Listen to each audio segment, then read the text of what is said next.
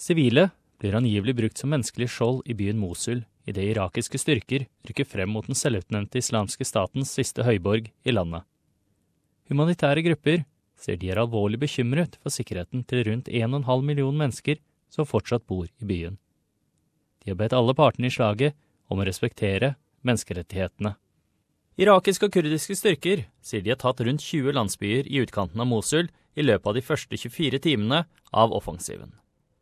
En talsmann for operasjonens kommando, brigadegeneral Yahiya Rasul, sier troppene ikke har sett noen beboere flykte så langt. Up to now, we have not recorded any displacement cases, and the troops are still advancing. Some of the areas and villages are empty, except for members of Islamic State. FNs flyktningkontor sier at de forventer en masseflukt av folk fra byen, og forventer den første store bølgen innen fem eller seks dager. Organisasjonen Australia for UNHCR har lansert en innsamlingsappell for å hjelpe byrået gi ly og beskyttelse til sivile. Nasjonal direktør Naomi Stair sier organisasjonen håper å samle inn fire millioner australske dollar i Australia for å bidra til den første responsen. There's a huge gap, unfortunately, between uh, what we have and, and, what is needed currently in, in, in funding. Uh, UNHCR estimates it's only got about 38% um, of funding required to provide support to many hundreds of thousands uh, fleeing fighting in, in Mosul. Verdens matvareprogram har lagt ut matvaredepoter i lagerbygg nær byen. Talskvinne Bettina Luescher sier de har nok rasjoner til å klare å mate én million mennesker i én måned. Our concern is that we get to the people, that people can get out safely. We are ready um, with food, with anything uh, to help, but we're extremely concerned about the situation. Innbyggere i Mosul har rapportert at IS-militante hindrer folk i å ta seg ut av byen.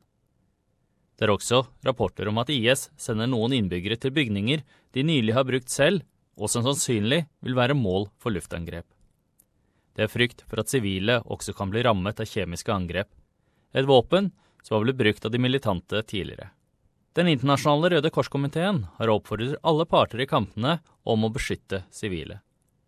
Regiondirektør for Midtøsten, Robert Mardini, sier resten av verden ser på, og at de stridende må vise menneskelighet. It means not targeting civilians. It means not targeting civilians' infrastructure. It means not attacking medical facilities and medical personnel. It means avoiding the use of heavy explosive weapons in densely populated areas. Amnesty International sier irakiske myndigheter må sørge for at sivile som flykter fra Mosul, ikke blir gjenstand for overgrep eller hevnangrep fra paramilitære og regjeringsstyrker.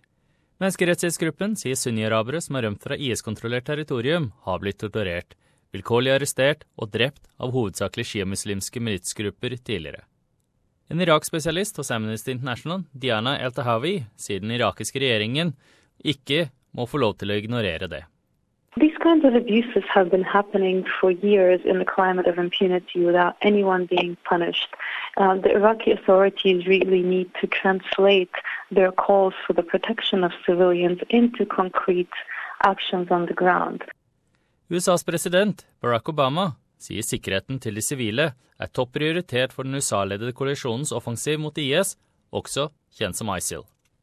Mosul will be a difficult fight, and there will be advances and there will be setbacks, but uh, I am confident that just as ISIL has been defeated in communities across Iraq, ISIL will be defeated in Mosul as well, and that will be another step towards their ultimate destruction.